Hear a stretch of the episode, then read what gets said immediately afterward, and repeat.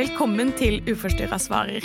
Dette er korte episoder hvor vi svarer på spørsmål og problemstillinger fra dere lyttere.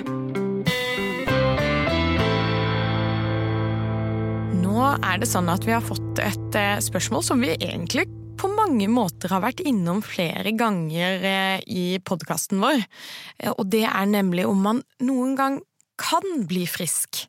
Altså, blir man helt kvitt spiseforstyrrelsen? Er det i det hele tatt mulig? Ja, er det mulig? Ja, altså jeg tenker jo Altså jeg kan jo snakke for meg selv og vil si at det er i høyeste grad mulig. Og jeg jobber jo også som frivillighetskoordinator, hvor jeg har andre frivillige som jeg lærer opp til å bli rådgivere. Og veldig mange av mine frivillige har egen erfaring og er helt friske i dag. Så, så jeg tenker det er liksom litt sånn viktig at vi starter med å liksom si at det er fullt mulig. Eh, og, og, så er det jo liksom Så får jeg alltid eh, de samme spørsmålene fra veldig mange som jeg møter på min vei. Så er det liksom Ja, men du blir jo ikke helt kvitt det, Elin. Du har vel de tankene der enda? Mm. og, og, da er jeg litt sånn Da blir jeg litt lei meg. Det, det må jeg ærlig innrømme, fordi det, det bygger på en måte opp under den myten vi har i samfunnet om at hvis du en gang har fått en spiseforstyrrelse, så vil du alltid ha den. Og jeg tenker at det er litt sånn eh, nyttig å iallfall være litt sånn at det er ikke nødvendigvis sånn at det er sånn for alle. Eh, men for noen så vil det være sånn at kanskje noen tanker er der. Eh, og, og liksom at man har noen sånne tanker. Selv om man kanskje fungerer veldig godt, så er det noe som på en måte er igjen, da. Men, men for min del så er det litt sånn viktig å si at for, for, for meg så er det faktisk ikke sånn. Mm. Og når man da kommer med utsagn som er 'ja, men du er jo ikke helt frisk enda', eh, så, så er det veldig sårende. Eh, og for meg så, så, så er ikke det en god ting å få høre. Så, så, jeg tenker jo det at vi må, vi må, på en måte prøve å bryte de her mytene, og, og holde fokus på at en spiseforstyrrelse er veldig individuell. Vi er veldig, mm. veldig forskjellige, og for noen så vil spiseforstyrrelsen bli helt borte. Altså at den er ikke som en liten stemme i bakhodet, den er bare ikke der lenger. Mm. Eh, og for andre så vil den være til stede, og for noen så vil man kanskje aldri bli helt frisk, men finne måter å, å leve med det på. Altså det er veldig forskjellig, men jeg, jeg har alltid som hovedmotto er jo liksom at jeg tenker at man alltid kan få det bedre. Mm. Og det er på en måte et godt utgangspunkt å starte med. Ja, og så er det jo noe med at det er jo ikke sånn at man uansett hva her i livet er enten frisk eller syk. Det er liksom veldig sånn der enten-eller-inndeling. Mm. At man kan tenke at det er en slags uh, linje, eller at det er liksom glidende overganger. Uh, sånn i forhold til at hvis man blir forkjøla, så går man jo fra å være frisk til å være litt syk, bitte litt, og så går man og blir frisk igjen. Eh, og så kanskje man knekker foten, da blir man liksom litt syk av det, og så blir man frisk igjen. At sånn er jo livet. Vi, vi er på frisk og syk spekteret hele veien. Også, mm. Sånn som jeg blir litt ofte litt sånn psykisk forkjøla, ikke sant. Ja. Så blir jeg litt psykisk forkjøla en periode, og så er jeg kanskje tilbake til mer sånn den jeg bruker å være, som jeg kaller frisk, da.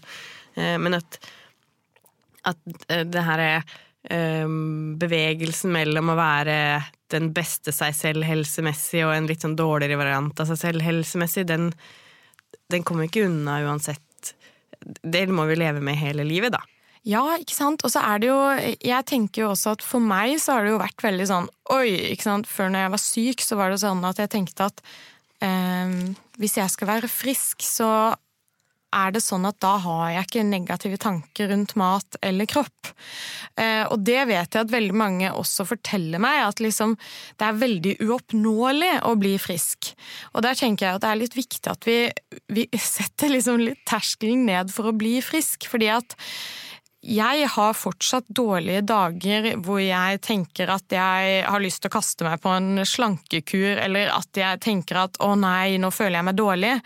Men, men det her er på en måte vanlige tanker, og jeg kaster meg ikke på det handlingsmønsteret i, i lik linje med det jeg gjorde når jeg var syk.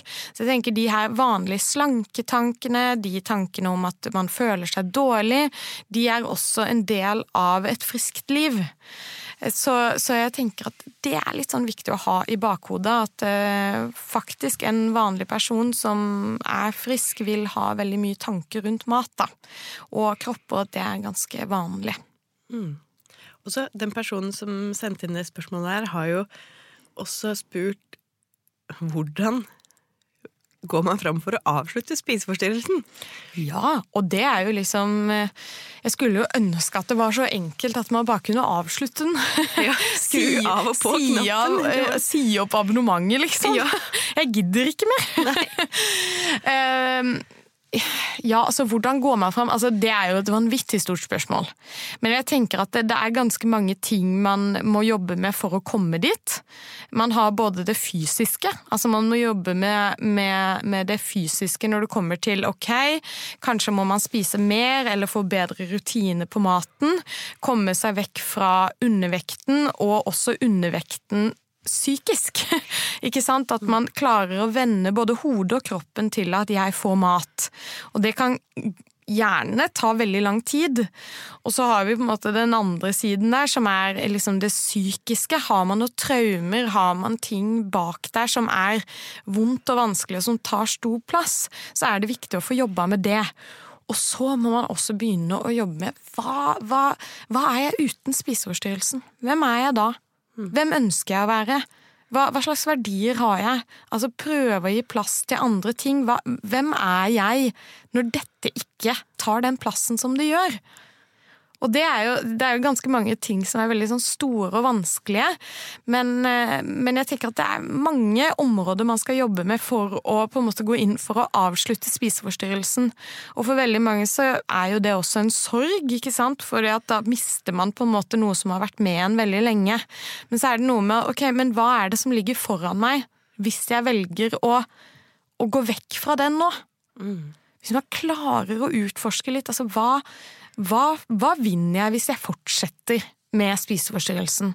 Og hva vinner jeg hvis jeg velger å bevege meg ut av den? For jeg tenker Det vil aldri være sånn at man bestemmer seg en dag for at i dag så vil jeg ikke ha en spiseforstyrrelse, og sånn tenker jeg at jeg alltid vil tenke.